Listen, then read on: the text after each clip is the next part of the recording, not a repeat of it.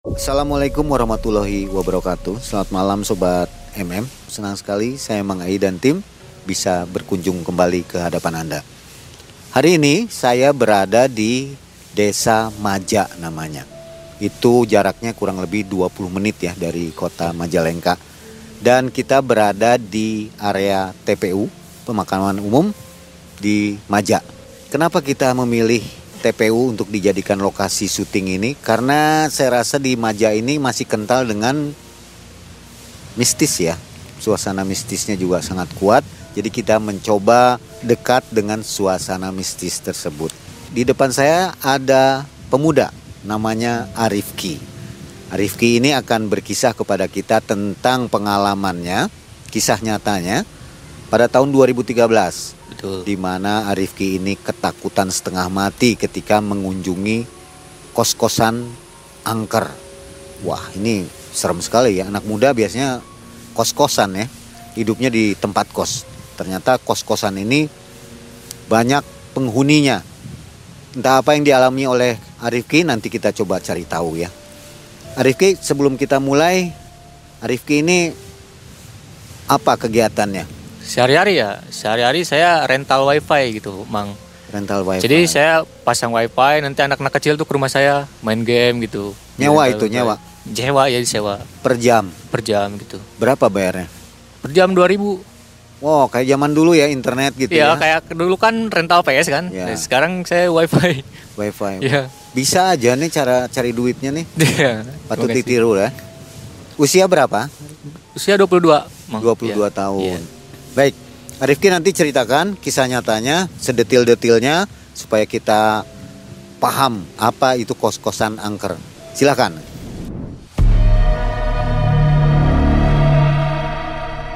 Jadi kisah ini saya alami saat 2013 ya. Umur saya ya 13, saya 2000, tahun lahiran tahun 2000. Saya, umur saya 13 waktu itu saya SMP. Nah, posisinya tuh kan ini kosan ya. Kosannya belum jadi. Jadi denahnya tuh kayak berjajar gitu ruangan berjajar panjang. Ada kurang lebih ada 8 ruangan. Yang limanya itu kamar kosnya yang satu dapur dua kamar mandi. Nah di depan kosannya di depan ruangan nih ada halaman dikit satu meter lah. Di pinggirnya lagi ada kolam yang agak besar. Luas juga tempatnya ya? Lumayan lah. Agak-agak luas. Posisinya jauh dari jalan raya atau gimana? Posisinya jalan raya jauh soalnya di gang gitu. Masuk ke gang dikelilingi sama pagar gitu. Tapi bukan pagar yang apa namanya besi gitu. Pagar yang tembok nih temboknya sekitar semeter setengah lah. Atasnya tuh ram kayak ram kawat tuh gampang yang ram gini. Sudah tua bangunannya? Bangunannya baru baru dibikin. Tapi sebelumnya itu kayak bekas pohon-pohon besar gitu kebun di sana tuh sebelumnya. Nah untuk kisah yang pertama ini saya alami waktu saya SMP kalau SMP kan saya ngaji ngaji sore pulang kan malam sekitar setengah delapan.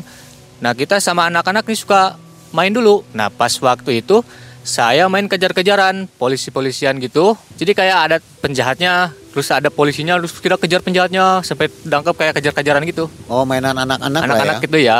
Nah mainlah kita ya. Kita berkumpul di depan musola. Musolanya tuh hampir hadap-hadapan sama kosannya itu. Musola ini rumah satu di sini kosannya. Kosannya di balik baliknya ke musolanya. Biasa kan sweet dulu wah ini siapa yang jadi penjahat siapa yang jadi polisi? Gitu mang. Nah kebetulan ada empat orang yang jadi polisi waktu itu. Ada tiga orang yang jadi penjahat. Nah yang jadi polisi itu saya teman saya Rapli namanya. Terus ada Ridwan sama Asep berempat yang jadi polisi. Penjahat ada tiga orang. Si Abil si Siti sama Leli. Ini kebetulan ada cewek dua mang. Udahlah kita mulai nih permainan. Mulai ini penjahatnya udah mulai pergi. Kabur dia mencar. Mencar ada yang ke kiri dan ke kanan gitu. Nah saya di tempat kan polisi nunggu nunggu dulu di tempat. Saya saya ngomong lah sama teman-teman nih saya sama yang berempat polisi nih.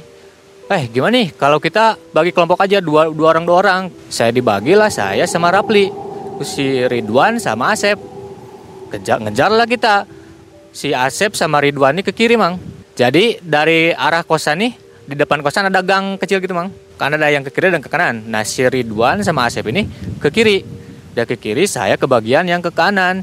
yang kebetulan di kanan tuh kayak ada kebun kecil gitu ya nah di di belakang kosannya ada ada sekolah itu gelap juga suasananya serem juga di sana saya lewat di sana sama teman saya saya cari tiang penjahat itu wah gak ada nih. Pi gimana nih? Ya udah kita ke depan kosan aja kata Rapli siapa tuh ada yang ke sana? Muterlah saya ke depan kosan lagi. Wah kita kan udah udah lari nih udah lari. Pipi benar dulu lah kata saya. Benar dulu kita istirahat dulu sebentar di sini depan kosan nih ya depan de, jadi nggak nggak depan dekat dekat gerbang bang di kiri. Saya istirahat di sana ngobrol lah gimana nih pi? Gak, gak dapat dapat gitu kan. Kayak kayak polisi beneran aja gitu kan anak-anak. Ngobrol-ngobrol-ngobrol tiba-tiba ada suara barang jatuh mang dari arah kosan. Otomatis kita berdua nengok dong langsung nengok. Kita lihat dari kanan ke kiri ini ada apa? Set pas di sana ada ru satu ruangan yang depannya ada lampunya depan depan pintu. Saya perhatiin kok ada bayangan. Saya maju dikit, saya perhatikan lagi kok ada kaki. Saya lihat dari bawah ada kaki, Mang. Kakinya pucat kayak kayak orang yang digantung gitu, Mang. Kakinya tuh ke bawah gitu. Wah, ini apaan kata saya. Saya lihat lagi ke atas. Ternyata dia pakai baju, Mang. Bajunya tuh kayak daster panjang warna putih tapi putihnya tuh nggak nggak putih bersih gitu bang jadi kayak ada kotor-kotornya gitu lusuh wah ini apaan? kata saya kan. Saya lihat lagi ke atas. Ternyata wajahnya juga pucat matanya melotot gitu kan. Terus rambutnya panjang cuma nggak rapi gitu berantakan. Dia gini liatin liatin ke kita berdua. Otomatis kita kan kaget mang. Saya balik ke Rapli pi lihat gak iya gue lihat kata kata Rapli. Ah udah udah gak benar kata saya. Kita mending kabur aja kabur udah panik tuh panik kabur. Yang tadi main yang main tuh orang-orang yang main kita udah gak pedulikan kita kabur aja ke rumah. Udah tuh dari sana. Nah ini cerita saya pas SMP lanjut lagi sekitar satu tahun kemudian ya setelah satu tahun lebih saya kelas 3 SMP kebetulan si kosannya udah jadi nih udah udah ada yang nempatin. Nah saya punya teman temannya tuh se setahun dia atas saya angkatannya. Jadi kakak kelas saya lah disebutnya gitu. Dia punya teman anak SMK yang ngekos di sana. Biasanya si si teman saya yang uh, tingkatan atas ini habis ngaji itu dia suka ngajak saya ke sana.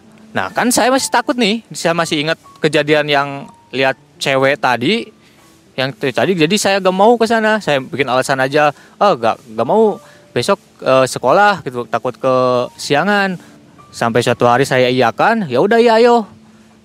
Saya pun datang sama teman saya berdua ke kosan situ ngobrol lah kita ngopi di di halaman tadi. Kan agak berisik emang ngobrol-ngobrol-ngobrol nah suasananya itu udah agak udah udah kayak merinding itu ah ini ada apa? kata saya kan. Tapi saya agak ngomong udah anggap aja gak ada apa-apa gitu. Kan kita lagi ngobrol gitu. Ngobrol-ngobrol-ngobrol tiba-tiba saya dengar suara ceklekan pintu apa gagang pintu cek gitu. Suara di gecelek cek gitu. Saya kaget dong. Tapi lihat saya lihat ekspresi teman-teman saya kayak gak, gak denger gitu. Dia cuek. Mereka cuek-cuek aja. Jadi posisinya saya duduknya uh, ngadep ke depan gitu. Nah si pintu kosan tuh di belakang di belakang kita. Nah si orang bertiga nih gak kayaknya gak cuek aja gitu. Cuek ngobrol-ngobrol-ngobrol kayak kayak cuma saya yang dengar gitu. Setelah itu ada lagi suara wah ada lagi kata saya. Apa nih kata saya. Wah udah abain lagi. Pas ngobrol-ngobrol-ngobrol tiba-tiba makin kencang bang. Cek cek cek gitu. Cek cek cek. Teman saya juga li dengar. Kita berempat langsung nengok. Ternyata benar si ininya apa? Suara itu dari gagang pintu yang kamar pojok. Yang harusnya itu kata teman saya yang kokos di sana itu belum ada yang penghuninya. Itu sekitar jam setengah sepuluh, setengah sepuluh jam sepuluh lah. Wah kita kaget dong berempat. Wah ya udah kita ngobrolnya terus aja lah di dalam kata teman saya. Oh ya udah ayo ke, dalam lah kita. Udah itu terus kita baca-baca lah ya, baca-baca. Udah gak ada apa-apa lagi. Nah semenjak di sana saya makin gak berani main lagi ke sana wah ini udah agak beres nih kosan kata saya.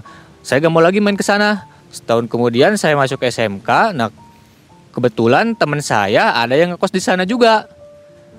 Nah otomatis kan saya juga sering sering main ke sana. Sering juga mang ada gangguan. Tiap malam tuh ka- kadang-kadang ada yang ngetok-ngetok pintu, pas dibuka gak ada. Sering aja gitu. Terus ada yang gedor-gedor apa tembok di belakang kosan. Kayak dog dog dog dog gitu. Dog dog dog dog. Malam itu. Nah, suatu hari ada kegiatan di sekolah, Mang. Kegiatan sekolah yang mengharuskan kita untuk menginap di sekolah. Saya kan ikut PMR. Saya panitia, saya ingin ngelantik kelas 1. Kelas saya kelas 2. Kan itu harus eh, pelatihan PMR ya, pelatihan PMR ma- dari pagi sampai malam, sampai pagi lagi. Jadi nginep di di sekolah, Mang. Set acara, acara gitu-gitu gitu acara, selesai acara jam 10-an, jam 10 jam 10 setengah 11 lah.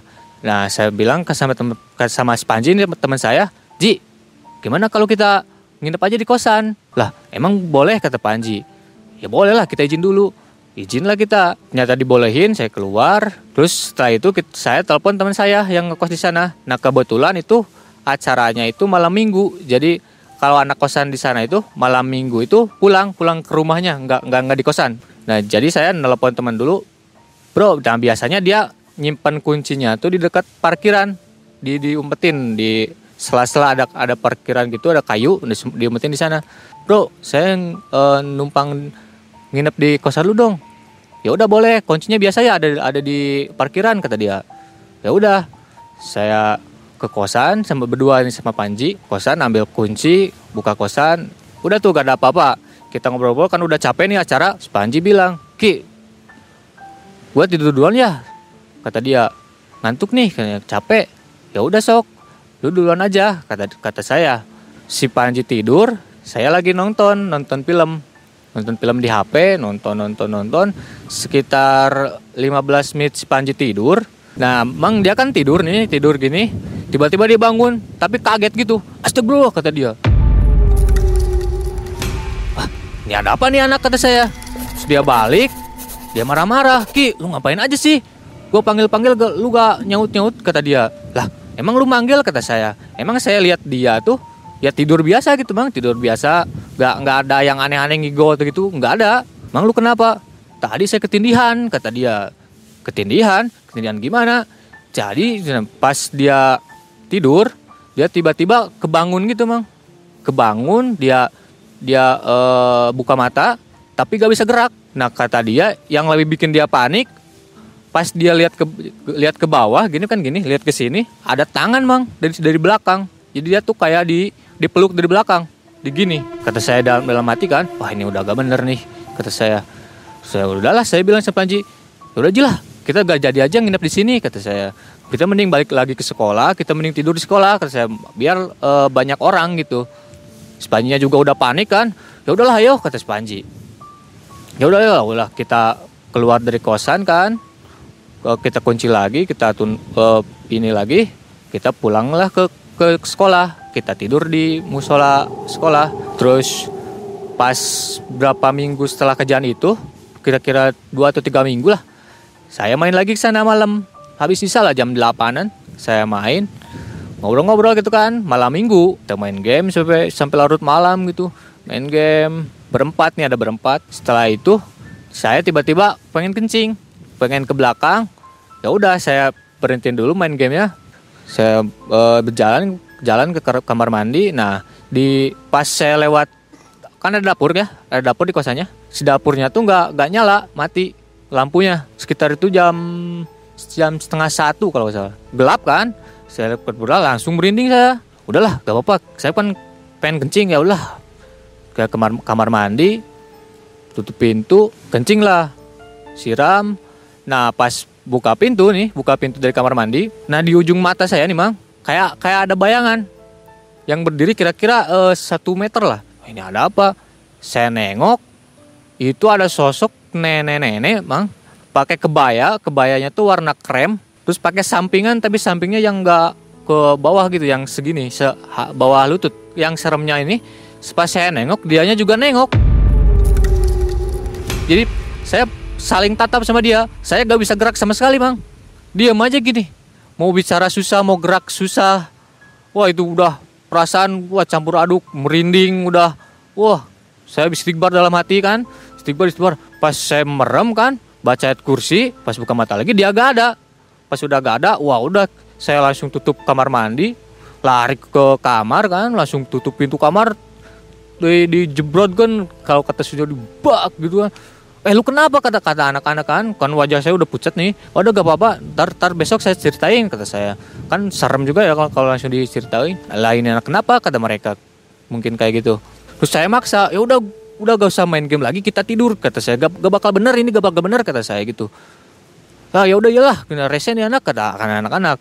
Kita beres-beres tidur udahlah besoknya saya ceritain yang ketemu itu. Wah langsung anak-anak yang ngekos di sana juga cerita. Wah iya juga saya saya, saya juga sering di uh, gangguin. Katanya ya yang gedor-gedor tadi cina ada yang ngetok-ngetok gitu. Terus ada yang selim yang lagi tidur ya mah. Selimutnya ada yang narik gitu. Malam-malam. Uh, nah suatu ketika kan waktu itu saya kelas 2 pertengahan gitu. Kalau kalau gak salah kelas 2 SMK pertengahan ada yang ngekos nih namanya Kang Andri.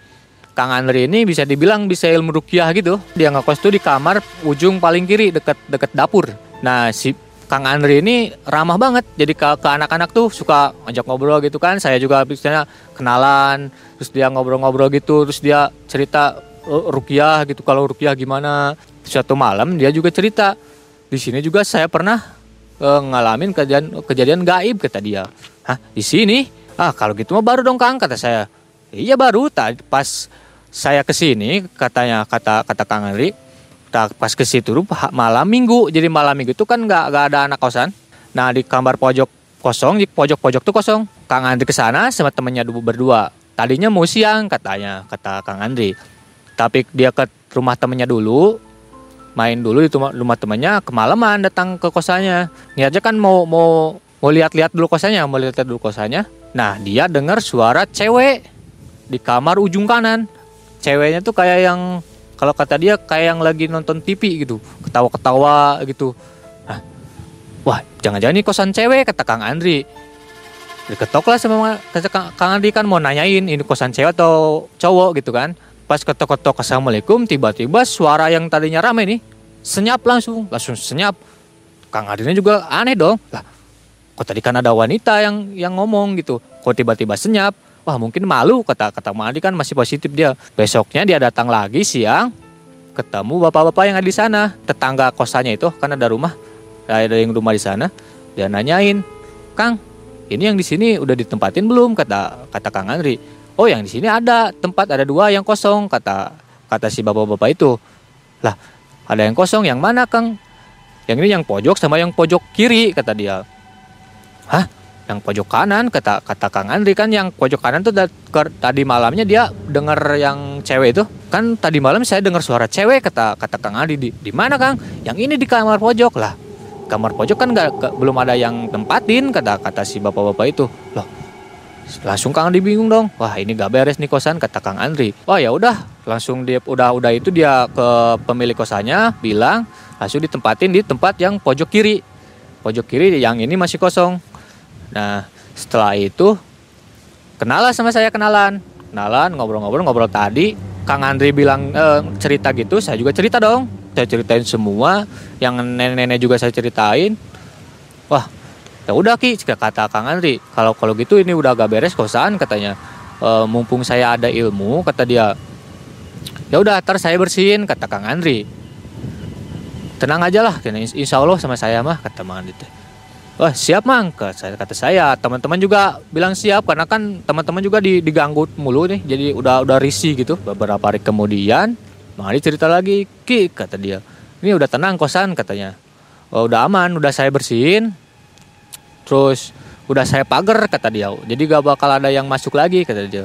Wah siap mang, makasih. Wah makasih kita kan syukuran gitu kita ngeliwat gitu pas udah udah dibersihin itu ngeliwat udah gitu Kang Andri cerita lagi, kata Kang Andri, sosok yang cewek itu emang dia sudah ada di sana, jadi bukan apa ya? Kata kalau kata Kang Andri, jadi dia ngeganggu tuh pengen di kehadirannya di apa apa namanya diketahui gitu. Jadi eh nih ada saya di sini loh gitu kata Kang Andri. Jadi si cewek itu dia tinggalnya sebenarnya bukan di kosan itu, tapi di ada pohon pohon pohon pete gitu besar nah si cewek itu sukanya di sana nah kalau si nenek itu penghuni lamanya yang di sana yang di tadi kan eh, kebun-kebun gitu. Nah si nenek si nenek itu di sana. Dia eh, ngeganggu juga jarang kalau si nenek itu kata Kang Andri. Yang sering itu yang cewek ini yang suka gedor-gedor katanya. Yang suka inin keran nah itu yang yang yang itu katanya. Tapi sekarang udah aman kata Kang itu oh ya udah. Makasih mas. Gitu wah udah. Kita ngeliwat gitu udah nah kan Kang Andri ini jadi dia tuh dia orang Maja cuma tinggal di Jakarta ada kerjaan di, kerjaan di, Jakarta istrinya juga di Jakarta. Nah dia ada kerjaan di Maja jadi ngekos dulu di Maja. Nah jadi kan nggak lama itu sekitar kalau nggak salah enam bulanan gitu ya. Nah pas selama Kang Andri ada di sana aman aja gak, gak ada gak ada gangguan lagi gak ada yang nampakin lagi. Pokoknya aman lah. Nah setelah sekitar satu tahunan Kang Andri pindah kan? 6, bulan Kang Andri pindah lagi ke Jakarta Kang Andrinya gak ada nih. Nah pas beberapa tahun Kang Andri gak ada nah gangguan yang tadinya udah hilang nih muncul kembali. Kalau kata teman saya yang yang ngekos di sana ini ada yang ngelewat gitu di di depan pintunya eh, pakai baju putih cepat gitu set. Pas teman saya keluar gak ada sosoknya gak ada saya kelas 3 nih kelas 3 di, di SMK tuh kan ada kegiatan yang namanya uji kom uji kompetensi. Jadi ujian praktek cuma yang dipraktekin itu pelajaran produktif gitu. Nah itu kan kegiatannya dari pagi sampai sore pagi sore pagi sore. Nah ada teman saya teman saya yang tadinya tuh dia gak ngekos. Selalu pulang pergi aja Majalengka Maja Majalengka Maja namanya namanya ngkos dia namanya ngkos Eh, gara-gara ada kegiatan uji kom ini terpaksa dia ngekos. Agar gak blok balik kan ini sore. Jadi biar gak biar efisien gitu dia ngekos aja. Nah mang si ngkos ini orangnya tuh penakut mang. Dia tuh kalau kalau main gitu malam dia suka ngajak anter gitu. Kalau mau main ke mana gitu malam gak, gak berani sendiri itu dia orangnya. Kira-kira satu minggu dia udah ngekos di sana tiap hari dia suka eh, suruh saya untuk nemenin dia gitu. Kalau malam biar gak di sendirian gitu. Kalau dia tidur saya pulang gitu. Biasanya gitu. Nah suatu hari ini kan pulang sekolah nih. Pulang sekolah ki- kira-kira jam setengah empat. Saya pulang kan dua berduanya sama kos nih. Kos gua ke kosan lu ya sekarang. Iya kata kos kata singkos tapi jam jam 4 nya gue mau mau berjalan sama cewek gue kata dia gitu. Oh ya udah gua gua juga gak gak bakal lama kata saya. Setelah itu jalanlah kita ke kosan pas singkos buka pintu nih cet buka pintu. Nah jadi kan di kosan di dalam kosan itu ada kasur kasur ada- ada meja kecil gitu terus lemari. Jadi di, di pinggir kasurnya itu ada space buat sholat. Nah di lantainya itu ada rambut mang. Ada rambut yang gimana ya ada yang putih rambutnya tuh ada yang hitam tapi nggak lurus agak-agak kriwil-kriwil gitu. Wah singkos heran dong saya juga heran. Lah ini rambut siapa singkos ngomong ki ini rambut siapa? Lah mana gua tahu kata saya kan. Lu kan yang ngekos di sini kata saya kata saya. Dia kan penakut nih dia langsung panik. Saya berusaha untuk tenangin dia dong. Ya udah gak apa-apa kata saya. Mungkin nih si ibu kosan udah eh, mampir ke sini mau lihat eh, kamar kamu kata saya gitu. Lah masa kata singkos dia belum percaya. Udah udah saya tenangin dulu. Ya udah gak apa-apa nanti saya temenin kata saya. Gak usah takut. Ya udah iya kata dia. Ya udah saya di sana ngopi bentar jam 4 nya singkos tuh mau mau pergi sama ceweknya. Ya udah singkos pergi sama ceweknya saya pulang. Sebelum pulang singkos bilang lagi ki jangan lupa ya lu lu lu, lu malam sini lagi kata dia temen gua kata dia. Ya udah ya kata saya ya saya pulang. Kira-kira jam 5 lebihan jam 5 lebih tiba-tiba nelpon singkos ini. Terus pas saya angkat dia tuh suaranya udah panik gitu mang. Jadi kayak ki lu gua gak mau tahu lu sekarang ke sini kata dia. Lah kenapa? Kata ntar eh, nanggung mau maghrib kata saya. Ntar udah maghrib saya ke sana kata saya. Pokoknya gak mau tahu kata dia. Sekarang lu ke sini kata dia. Ya udah ya ker- karena dia maksa kan. Gak enak juga takutnya ada apa-apa lagi di kosannya saya datanglah ke kosannya sebelum maghrib kira-kira setengah enam lah setengah enam lah. Ternyata singkos ini belum masuk ke kosan. Dia di luar kosan di, di halamannya itu. Dia lagi pegang HP tapi wajahnya itu udah udah kayak ketakutan gitu mang. Kos ada apa? kata saya. Kan saya datang. Ih. Ya udah lu lihat aja sini kata kata singkos dia panik kan. Lihat apa? Dia tarik saya ke kosannya pas dia buka pintu si rambut yang tadi itu ada lagi mang. Berserakan lagi kan. Eh sebelumnya kan saya sudah sapuin. Udah sapuin sudah bersihin lagi kita ngobrol-ngobrol. Nah pas balik lagi rambutnya ada lagi bang tapi kak pas awal itu di, cuma di tembok doang kan. Yang di tembok doang berserakan gitu. Nah pas yang kedua kalinya si rambutnya tuh sampai ke meja-meja yang meja kecil tuh. Jadi ram, rambutnya tuh nggak nggak banyak banget sih cuma ada selai-selai gitu. Cuma agak-agak agak-agak banyak. Ke meja-meja wah singkos langsung panik dong. Wah ki gimana nih kata dia. Ini aneh nih ini rambut siapa kata dia. Ya gua juga sama gua gua juga bingung kata saya. Gimana ya apa apa gua uh, pulang aja ke rumah katanya ke Majalengka lah itu kan uh, istilahnya kalau di di di sini tuh sarupna uh, mau menjelang maghrib gitu. Ih kos jangan kata saya. Sarupna apa mali? Kata saya takutnya ada apa-apa. Lah terus gimana nih? Gue takut katanya. Iya udah gak apa-apa gue temenin kata saya. Udah kita maghrib bareng aja. Kita maghrib bareng di sana kan sholat maghrib bareng. Kita baca baca doa gitu baca ayat kursi tiga, uh, baca kulhu falak binas gitu. Udahlah suasana tenang lagi nih singkos sudah tenang. Tiba-tiba singkos ki nanya nanya ki lu udah makan belum? kata dia. Udah gue tadi di rumah kata dia. Ya udah makan lagi yuk di luar kata dia. Gue traktir kata dia gitu. Oh ya udah ayo kata saya. Berangkatlah kita keluar nih naik motor ke ke terminal. Terminal ada uh, tukang nasi gitu. Makanlah di sana kita sekitar satu jam lah kita di sana. Makan gitu selesai balik lagi.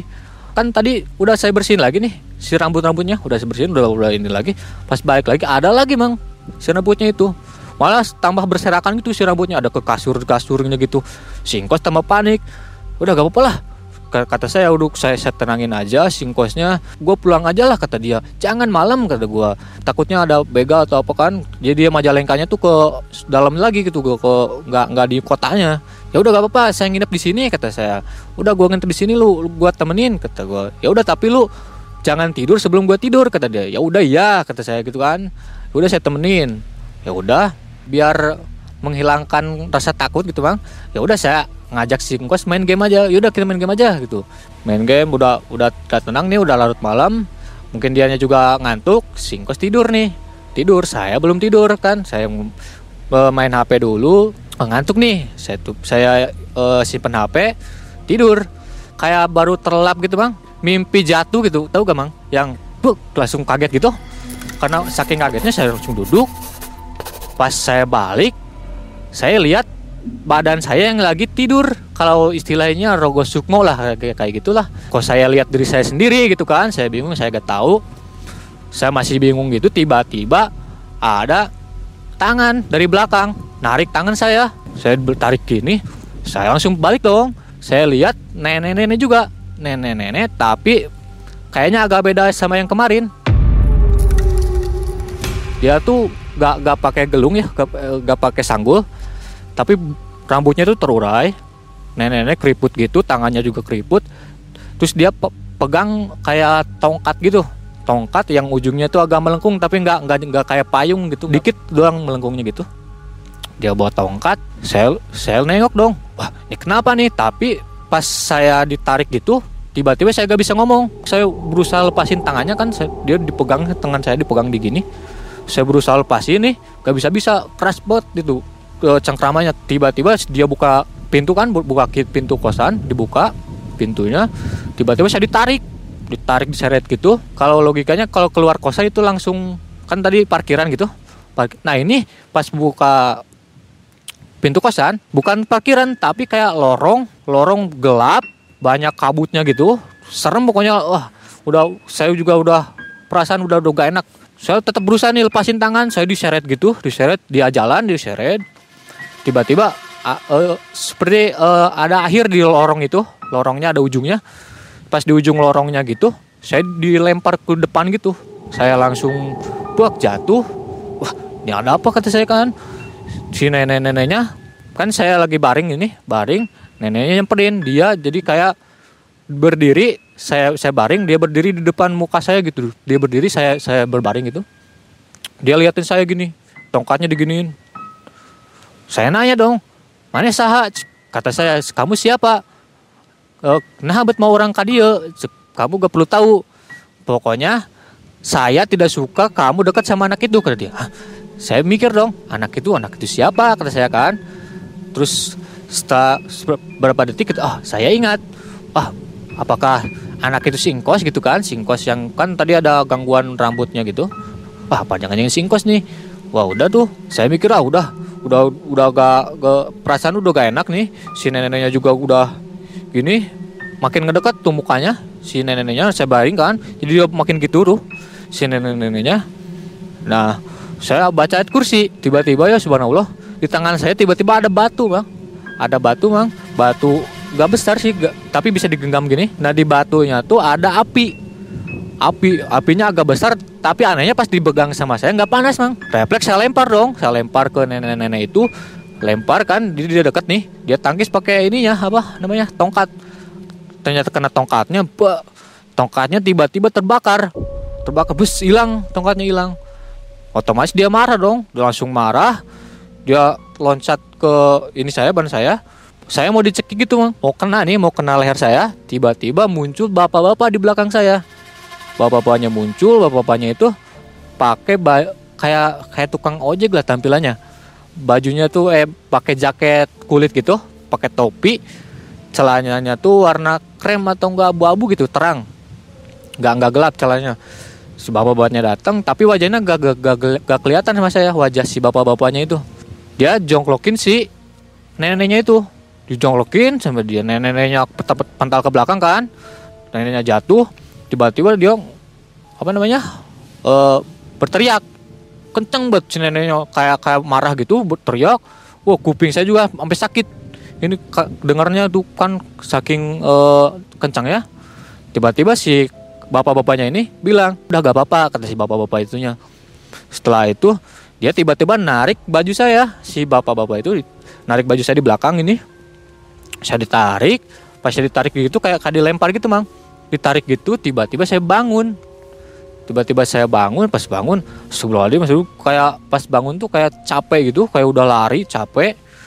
Saya astagfirullahaladzim baca ayat kursi gitu kan baca kulhu gitu baca-baca. Udah selesai saya lihat tangan saya ternyata tangan saya juga ada bekas ininya apa namanya cengkraman.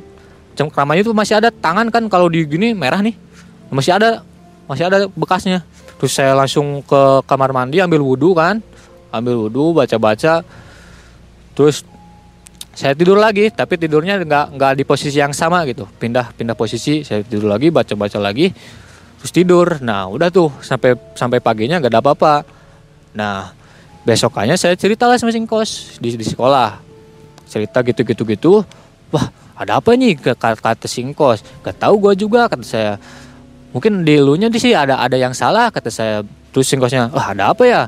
Apa apa gue jangan ngekos dulu ya? kata dia.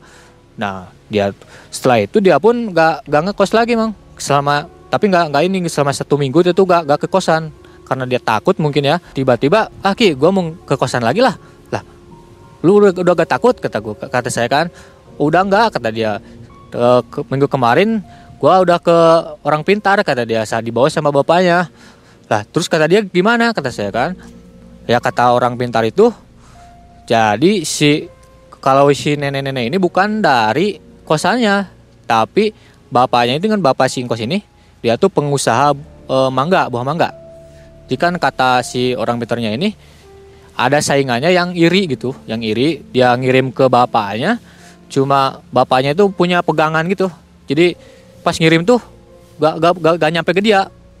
Jadi si mungkin si jinnya nyari yang lemah jadi nyikat anaknya.